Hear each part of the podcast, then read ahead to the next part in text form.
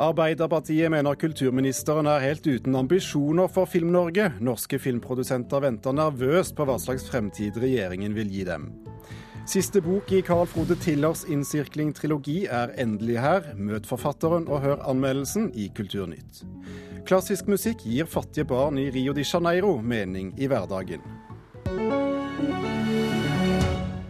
Og bli med til Iran, der noe så sjeldent som en film om transseksuelle har blitt godt mottatt, også i konservative kretser. Dette er menyen i Kulturnytt i Nyhetsmorgen, i dag med Thomas Alverstein Ove.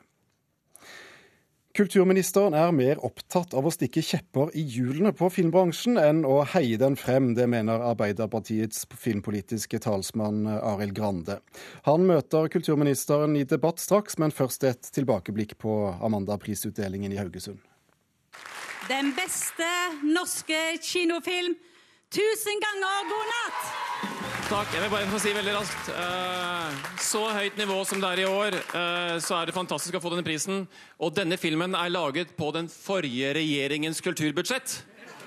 Husk det! Filmprodusent Åge Aaberge, mannen bak den norske storfilmen Kon-Tiki, mener at Erik Poppe satte fingeren på bransjens største bekymring under Amandaprisutdelingen i Haugesund. Nei, Det er jo kuttet, det. Det var klart at uh, nå gjør de noe veldig fornuftig. Nå uh, setter de i gang en svær prosess med innspillseminar og utredninger. Og så foretar de forhåpentligvis en politisk beslutning og sier veldig klart fra oss i bransjen hva de ønsker å oppnå og hvilket mål de setter seg. Men Det som forbauser oss, er jo at de begynte sin politikk med å kutte før de hadde utredet noe som helst. Og det, det, kom som et sjokk på oss, fordi vi føler at vi i vår bransje har overoppfylt alle politiske mål. Vi har nådd antall filmer, vi har nådd publikumsestimater og måler. Vi er blitt mye flinkere til å jobbe internasjonalt, vi selger filmene våre mer ut. Og da, da kom det kuttet som et sjokk, rett og slett.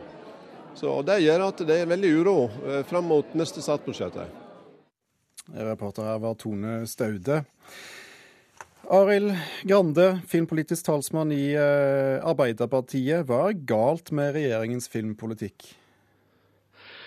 Ja, Det første kulturministeren gjorde overfor norsk filmbransje, som har vært i en eh, voldsom vekst og opplever stor suksess, eh, var jo å kutte 32,5 millioner kroner i Filmfondet, og dermed betydelig andel av støtte. Men ikke minst sendte et signal til bransjen om at uh, nå reduseres ambisjonsnivået. Hun forklarte kuttet med å si at uh, det gjør da ingenting om vi får en eller to filmer uh, færre. Og Jeg har i hvert fall ennå ikke møtt noen her i Haugesund som deler det synet. og jeg tror ikke det er mange i publikum heller som deler det. Men enda verre er det jo at hun når hun blir utfordra på hva vi vil gjøre for mer mangfold i filmbransjen, hva vi vil gjøre for å styrke filmbransjen i hele landet, Eh, svarer at eh, her har regjeringa eh, absolutt ingen ambisjoner. og De jeg møter her i Haugesund, sier jo at de aner ikke hva de skal planlegge ut ifra, for det kommer overhodet ingen signaler fra regjeringa annet enn kutt. Men regjeringen jobber med en stortingsmelding om, om film. Skal de ikke få lov å lage ferdig politikken sin først? Jo, men norske filmregissører sa det bedre enn noen, tror jeg, hvordan dette oppleves. Når statsråden starter med å kutte, for så utrede sektoren. Det føles, sier de, som at man får et, en dolk i ryggen for at man så skal utrede hvordan det føles. Og Det blir jo start i totalt feil ende å kutte, for så å utrede. Jeg mener at man burde ha fortsatt det store, høye ambisjonsnivået som den forrige regjeringa la opp til. Eh, backa opp norsk filmindustri. Eh, og så er det jo selvfølgelig samtidig viktig at man har en utredning for å se hvordan kan vi sikre at økonomien blir mer robust, hvordan kan man sikre at enda flere av ambisjonene våre blir nådd, og hvordan kan vi ikke minst sikre at eh, flere av aktørene tjener penger i bransjen. Skuespillerne, regissørene, produsentene og musikerne. Det skal vi komme tilbake til, men først kulturminister Toril Vidvei, hva sier du til kritikken? Det som er interessant, det er jo det at eh, på tross av betydelig vekst og økt eh, interesse for norsk film de siste ti årene, så er altså norsk filmbransje likevel økonomisk svake og fragmentert. Så det er jo ingenting å legge skjul på at tre av fire norske kinofiller de taper penger. Og over halvparten av de som taper penger, har et underskudd på mer enn 50% Det er ikke bærekraftig. Og jeg forstår at bransjen er urolig. og Derfor så er det en, en dokumentasjon på at den filmpolitikken som har vært ført, den faktisk har ikke klart å oppnå det som har vært realitetene. Og da lurer alle på hva vil du gjøre ja, med det? og Derfor så syns jeg det er utrolig viktig for denne regjeringen. Vi bygger vår politikk på en kunnskapsbasert politikk. Derfor har vi satt i gang noen utredninger for å få fram den kunnskapen som er nødvendig. Det har vi fått. Det var lagt frem en meget interessant rapport i går i, eh, under filmfestivalen i Haugesund. Eh, Russe, Russevik-utredningen viser at målene i den rød-grønne filmpolitikken i stor grad var eh, innbyrdes motstridende og at målsetningen om en konsolidering og styrking av bransjen, den er faktisk ikke nådd. Og Da tror jeg det er like viktig som det å snakke om at vi skal bruke enda mer penger, så er det faktisk også å se på de pengene som vi bruker. Kan vi bruke de på en mer effektiv og bedre måte, som gjør at bransjen faktisk blir bærekraftig? Grande, denne rapporten eh, er ganske nedslående i forhold til den rød-grønne filmpolitikken. Og i dag skal dere møte bransjen for å, å eh, legge føringer for en ny filmpolitikk fra Arbeiderpartiet. Det, betyr det at dere innser at eh, den gamle politikken var feilslått? Det viktige rapporten viser, er jo at uh, mange av de målene som er satt for norsk film, er nådd. Men den viser at uh, økonomien i filmbransjen må bli mer robust. Da er det jo veldig dumt å starte med å kutte. fordi det er jo nettopp gjennom statlige midler at man kan utløse også mer private investeringsmidler. sånn at det blir å starte i totalt feil ende hvis man ønsker en mer robust bransje. Men vi må ikke Eh, vi må ikke glemme at eh, vi trenger et visst volum innenfor bransjen. Produksjonsselskapene trenger flere filmer fortløpende for å ha økonomien eh, og hjulene i gang. Flere av aktørene i bransjen må tjene penger på den store suksessen som vi opplever. Produsenter, regissører, men ikke minst norske skuespillere. Og at vi benytter i større grad norske musikere. Så Det er jo bra at man har en uh, gjennomgang av politikken for å se hva er som virker og hva er som må justeres. Uh, og Derfor har vi et innspillsmøte i dag i Arbeiderpartiet for å samle bransjen til å gi oss råd om hva bør neste steg være. Fordi at uh, Norsk film har opplevd en gullalder, starten på en gullalder. og Vi ønsker å bidra til at det fortsetter. og Da må vi si nei til kuttpolitikken til Vidvei. Videre gullalder, hvor skal ambisjonsnivået ligge, Vidvei? Vi har stort, en stor ambisjon på vegne av norsk film. Film er en veldig viktig kulturbærer for vår nasjon. Med, jeg innrømmer og er åpent at det er helt nødvendig å ha et høyt offentlig eh, tilskudd for å kunne være med på å produsere norsk, god norsk film. Og det har vi faktisk. I, I, år så brukes det 470 millioner kroner til norsk filmproduksjon. Og det, Hvis vi ser på land som det er naturlig å sammenligne oss med, så både Danmark og Sverige, så bruker vi betydelig mer penger per innbygger på film over offentlige budsjetter. Og det skal vi fortsette med. Men like viktig som det å rope på at det skal mer penger til for å kunne klare å være med på å løse og lage enda mer filmer, så er det like viktig å ha et fokus på de midlene som vi bruker, og sørge for at vi får god utvikling på kvaliteten. Dette kuttet ditt i 32 millioner i fjor har høstet mye storm. Det skal bare en bitte liten godbit eh, til fra statsbudsjettet for å roe kritikerne. Kan du gi oss det? Statsbudsjettet kommer i oktober, så det får de vente og se. Kulturminister Toril Vidvei og Arild Grande, filmpolitisk talsmann i Arbeiderpartiet, takk skal dere ha for at dere var med i Kulturnytt på morgenkvisten.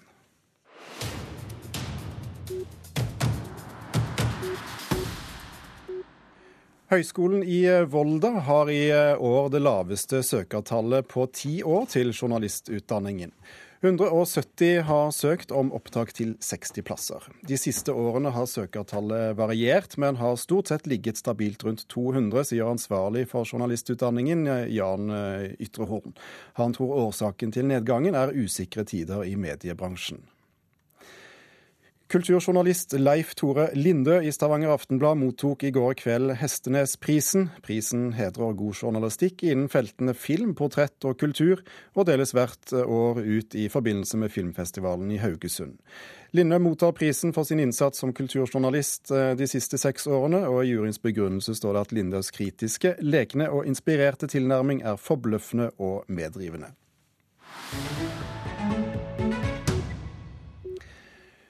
Spillefilmen Ayene Haye Robero, eller 'Facing Mirrors' som den heter på engelsk, er noe så uvanlig som en iransk film som har gått på kino i Iran, og som dessuten skildrer transpersoner i Iran. Dette er den tredje reportasjen fra vår kollega Saman Bakhtiaris i Kulturnytt på Sveriges Radio, som i sommer har besøkt Iran for å se hvilke forhold kulturarbeidere der jobber under. Her er møtet med produsenten og manusforfatteren bak 'Facing Mirrors'. پنج سالم بود که مادرم مرد دنیای من به کل از زن خالی شد بالغم که شدم حساسیت های بابام شروع شد Vi hör Adine berätta om sin uppväxt för Rana. De sitter i en bil på väg från norra Iran till Teheran. De håller på att lära känna varandra. De är varandras motsatser. Rana representerar den konservativa Iran och Adine den nya rebelliska generationen. Rana kommer från de fattigare delarna av Teheran och har tvingats köra svarttaxi i smyg från släkt och vänner. Hennes man sitter fängslad och det är hon som måste försörja familjen. Adine råkar hoppa in i hennes taxi när hon flyr från sin familj. Hon vill byta kön. Det är lagligt i landet, men inte accepterat i samhället. Hennes pappa försöker göra allt för att stoppa henne från att genomgå operationen. Filmens producent och manusförfattare Fereshte Tahirpour berättar om att hon inte ens var säker på att den här filmen fick göras när hon och regissören Negar Azerbajdzjani påbörjade projektet. Fereshte Tahirpour menar att det var hennes stora erfarenhet av att göra film i Iran som bidrog till att den till slut fick tillstånd att visas på bio. Hon visste exakt vart alla gränser gick för vad som går att visa i Iran. ببینید به هر حال تجربه سنی من تجربه مادری من و شناخت من از خطوط قرمزی که ما در سینما ایران داریم خیلی به من کمک کرد. Det har nu gått snart två år sedan filmen hade biopremiär i Iran. Det är den första iranska filmen producerad i landet som har transtema, en transperson i huvudrollen och som har visats på hbtq-festivaler runt omkring i världen. Globaliseringen och internet är två orsaker till att det har gått att göra en sån här film i Iran. Vi har fått jättebra respons från många väldigt konservativa familjer, berättar Fereshte Tahirpour. بله به هر حال ارتباط جهانی که دیگه الان حد و مرز نداره دنیای اینترنت این دهکده جهانی کاری کرده که مردم همه مسائل روز رو مجبورن باش مواجه بشن و بهش فکر بکنن و عکس های نسبت به این فیلم نشون داد که اتفاقا چقدر حتی خانواده های سنتی دارن استقبال میکنن از یه همچین تغییر نگرشی Framtiden för liknande filmer är dock inte garanterat. När någon tagit första steget så hittar andra mod för att göra samma sak. Men det är ett känsligt ämne för iransk film. Vi får se vem som vågar ta riskerna. För gör man fel så kan det ses som en film som förespråkar homosexualitet. Något som är strängt förbjudet i Iran, berättar Fereshte Tahirpour. ولی من هیچ کدوم از حرفاشو نمیفهمیدم پسر بچه‌ای که درون من زندگی میکرد روز به روز قوی تر میشد یه وقتی خودم ازش میترسیدم Det var reporter for Sveriges Radios Kulturnytt, Saman Bakhtiari, som møtte Feresh Tarepour, produsent og manusforfatter for filmen 'Facing Mirrors' i Iran.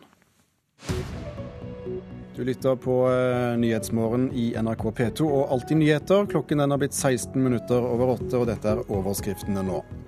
Et stort flertall mener det var riktig av politiet å slå terroralarm i sommer, men vi er blitt reddere, viser undersøkelse. Politiet i Ferguson i USA bruker tåregass mot voldelige demonstranter. Amnesty frykter menneskerettighetsbrudd. KS-styret møtes i dag, lover å lete etter løsninger på lærerkonflikten. Gå bort fra kravet om økt tilstedeværelse på skolen, så kan vi forhandle, sier Utdanningsforbundet. 6.7.2006 står annonsen i avisen som oppfordrer alle som kjenner David til å ta kontakt og fortelle hvem han var. For David har mistet hukommelsen og husker ikke fortiden. Slik begynner Carl Frode Tiller trilogien 'Innsirkling' for sju år siden. De to første bøkene har gitt ham en rekke priser og har skapt jubel blant kritikerne. Nå kommer den tredje og siste boken om David, 'Innsirkling 3'. Carl Frode Tiller, velkommen til Kulturnytt. Jo, tusen hjertelig. Kan du love oss svaret nå på hvem David er? Er han sirklet inn en gang for alle? Eh, nei, eh, du får ikke å sirkle inn et menneske en gang for alle. Men jeg kan love deg at jeg kommer ikke til å gjøre noen flere forsøk, i hvert fall. du har jobbet med, med, denne trilogien i en tiårs tid, og hele veien har det vært klart at det skulle være nettopp en trilogi. Men hvor lenge har du visst hvordan det skulle ende? Eh, nei, det har ikke jeg visst da før nå mens jeg jobba med bok tre. Altså, jeg er ikke en sånn type forfatter som legger noe særlig planer, men eh, for de gangene jeg har gjort det, så føler jeg at, jeg har følt at, uh, at det meste har låst seg. da. Så jeg prøver å være mest mulig åpen for å følge ja, det ideene jeg får underveis, og det har jeg gjort den gangen her òg. Så jeg har ikke visst noe som helst jeg, hvordan det skal gå, men i hver av de tre bøkene så blir vi kjent med, med, nye personer som har sin historie å fortelle, og har sitt eh, forhold til eh, David. Hvem er det egentlig du forteller dem? Er det David, eller er det alle de andre? Det er begge deler, naturligvis. Altså, på mange måter så kan jeg jo si at de ulike fortellerne som skriver brev til David, at de, de skaper eh, David i sitt bilde. Og Eh, men samtidig forteller de naturligvis om han. altså De forholder seg jo til ting som de, eh, som de vet om han. Eh, men de griper også så denne Annonsen da blir også en gyllen mulighet for dem til å fortelle sitt eget liv og til å ja, skape mening og sammenheng i sitt eget liv gjennom disse lange fortellingene. I hvilken grad uh, forsøker du også å fortelle noe om, om samfunnet vårt, uh, utover de, de, historiene du forteller om enkeltpersoner i boken? Altså, det ble jo ei bok etter hvert om eh, Norge de siste 40 årene. Uten at det heller var planlagt. Men eh, første boka så var det jo om 70-tallet. I Norge på 70-tallet. Og etter hvert som jeg ville berike boka med flere fortellere og fra ulike miljø, ulike kjønn, eh, ulike klasser, så så jeg jo også muligheten til å, til å skrive en historie om Norge. Og så ble det, ble jo 80-tallet, da, på, i andre boka, og den tredje boka her nå, så er det konsentrerer meg mye om 90-tallet. Og alt sammen til da betta i hop. Uh, eller i alle tre bøkene så er det fortalt ifra 2006, da som er liksom det året annonsen ble satt inn. Mm. Så sånn sett så blir det jo eh, også en slags fortelling om Norge, og Norge de siste 40 årene. Og der naturligvis oljen spiller en vesentlig rolle. Du sier til Dagbladet at hendelsene 22.07.2011 har forandret slutten på innsirkling. Uten å røpe for mye, greier du å fortelle oss hvordan? Det var vel etter hvert, altså debattene etter 22. juli, så begynte jeg jo å se en del sammenhenger mellom gjerningsmann 22. juli og, og min egen figur, da. altså eh, Behring Breivik, da, som, som på mange måter også levde i en slags fiksjonsverden, eh, som satt eh, og konstruerte opp et fiendebilde som om ikke det eksisterte bare i hans hode, så i hvert fall så så hadde veldig lite å, å gjøre med virkeligheten. Så går han da ut i verden og, og handler som om det dette fiksjonen faktisk er virkelighet, og det får helt forferdelige konsekvenser. Og jeg så som sagt eh, sammenhengen mellom min egen hovedperson og, og det som skjedde da. Og eh, som så mange andre, etter 22. juli så eh, ble jeg grepet av, av et veldig sånn alvor. Og et sånn nesten instinktivt uh, ja, innsikt i at Helt sånn banalt at nå må vi, vi, må, vi må møtes og snakke sammen. For dette var jo også et eksempel på hva som kan skje når folk ikke blir korrigert. Og når jeg da hadde skrevet frem en figur som ikke greide å tro på at språket var i stand til å gripe virkeligheten, så, så følte jeg en sånn slags sånn uh, Ja, altså Jeg tar et oppgjør med det, da og, og dreie det litt i annen retning, og i, i retning en større grad av tillit. Eh, både mellom eh, folk og også et større tillit til språket. Karl Frode Tiller, tusen takk for at du var med oss i eh, Kulturnytt. Innsirkling 3 er altså siste verket i en trilogi. La oss høre hva vår kritiker Marta Norheim mener om siste boken. Den store gåta ligger i spørsmålet Hvem er David? I første bok møter vi nemlig David, en mann i 30-åra som har sett inn ei annonse i avisa der han forklarer at han har tapt minnet, og derfor ber han folk som kjenner han om å skrive brev, så han kan få hjelp til å finne seg sjøl. Etter det hører vi ikke mer fra David før mot slutten av bok tre, men vi hører desto mer om han. Gamle kjærester, klassekamerater, stefaren, de svarer på annonser med lange og utførlige brev. David kjem til syne som bildet de ulike har av han, eller mer presist, som den David hver og en har nytte av å kalle fram. Folk har sine perspektiv og sine interesser. Noen trenger en syndebukk, andre trenger å dokumentere at de hadde en nær venn. Romanen krinser rundt et tomt senter, der minnet til hovedpersonen er fraværet som set det hele i gang. Fra dette tomme senteret henter alle rundt han viktige deler av sitt eget liv og sin egen identitet. De skriver så å si sitt liv gjennom å skrive livet til en annen, og dermed er vi midt inne i spørsmåla som ligger i kjølvannet av den sjølbiografiske romanen. Går det an å skrive et liv? Og er det etisk forsvarlig å prøve? Jeg slipper ingen bomber når jeg røper at vi ikke får svaret på spørsmålet om hvem David egentlig er.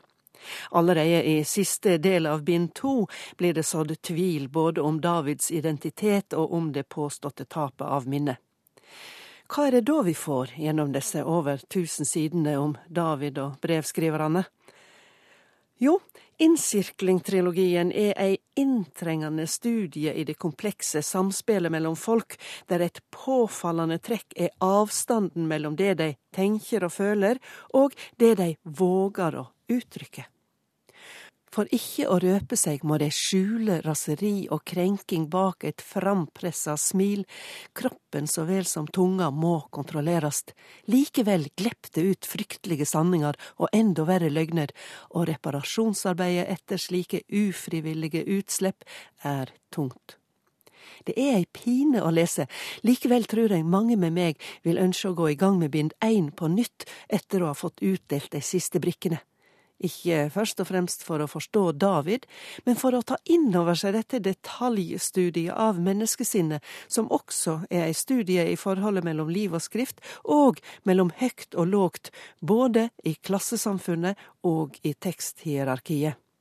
Kort sagt, innsirkling er et verk en ikke blir fort ferdig med sa vår kritiker Marta Norheim om eh, Innsirkling 3 av Carl Frode Tiller.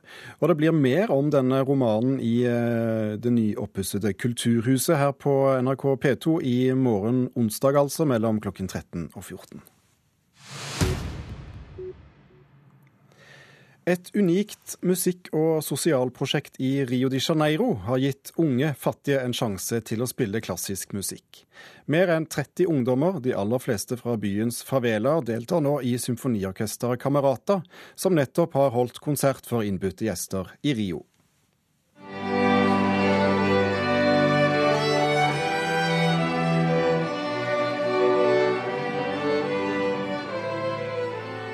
En norsk brudemarsj skaper stemning blant et hundretall nordmenn og brasilianere i en bolig i bydelen Laranjeiras her i Rio de Janeiro. Det er på alle vis en annerledes konsert, fremført av unge mennesker med en drøm de aldri trodde skulle bli til virkelighet for de som trakterer fiolin, cello og kontrabass denne kvelden, kommer fra lutfattige familier der musikkopplæring og kjøp av dyre instrumenter var utenkelig. Men to ildsjeler, en raus nordmann og noen gode hjelpere endret alt. Jeg tenho uma responsabilidade e. Jeg føler et sosialt ansvar for landet mitt, sier fiolinisten Tiago da Silva, en av de to initiativtakerne til orkesteret Camerata. Han er selv født i en favela i småbyen Niteroi like utenfor Rio, men har studert musikk i Norge. For to år siden kom han tilbake til Brasil, og sammen med sin tyske kone Caroline Broch har han bygget opp det unike orkesteret.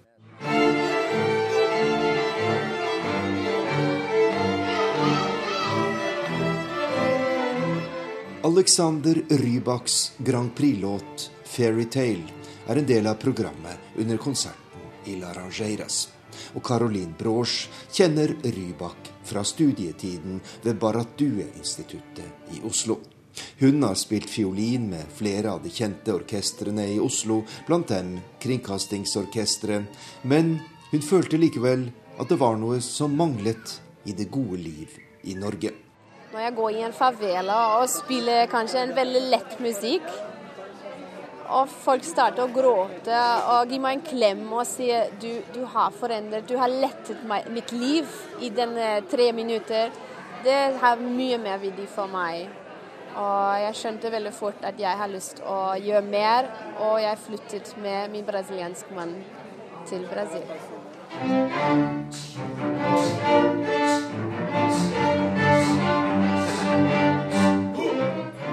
Orkesteret Camerata sprenger grenser. Selv om de aller fleste musikerne kommer fra fattige kår, er det også med unge fra middelklassen. Prosjektet er en dugnad der en nordmann i Rio har stilt sitt hjem til rådighet som øvingslokale, og penger til instrumenter er samlet inn fra gode hjelpere.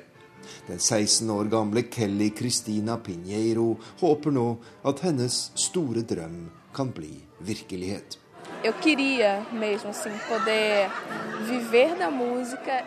Drømmen er å leve av musikk og reise og besøke andre steder. Ingenting vil gjøre meg mer lykkelig enn å fylle livet mitt med musikk. Og jeg håper også å kunne hjelpe andre unge som kommer fra fattige familier, slik at de kan oppnå det samme som meg, sier 16-åringen her i Rio.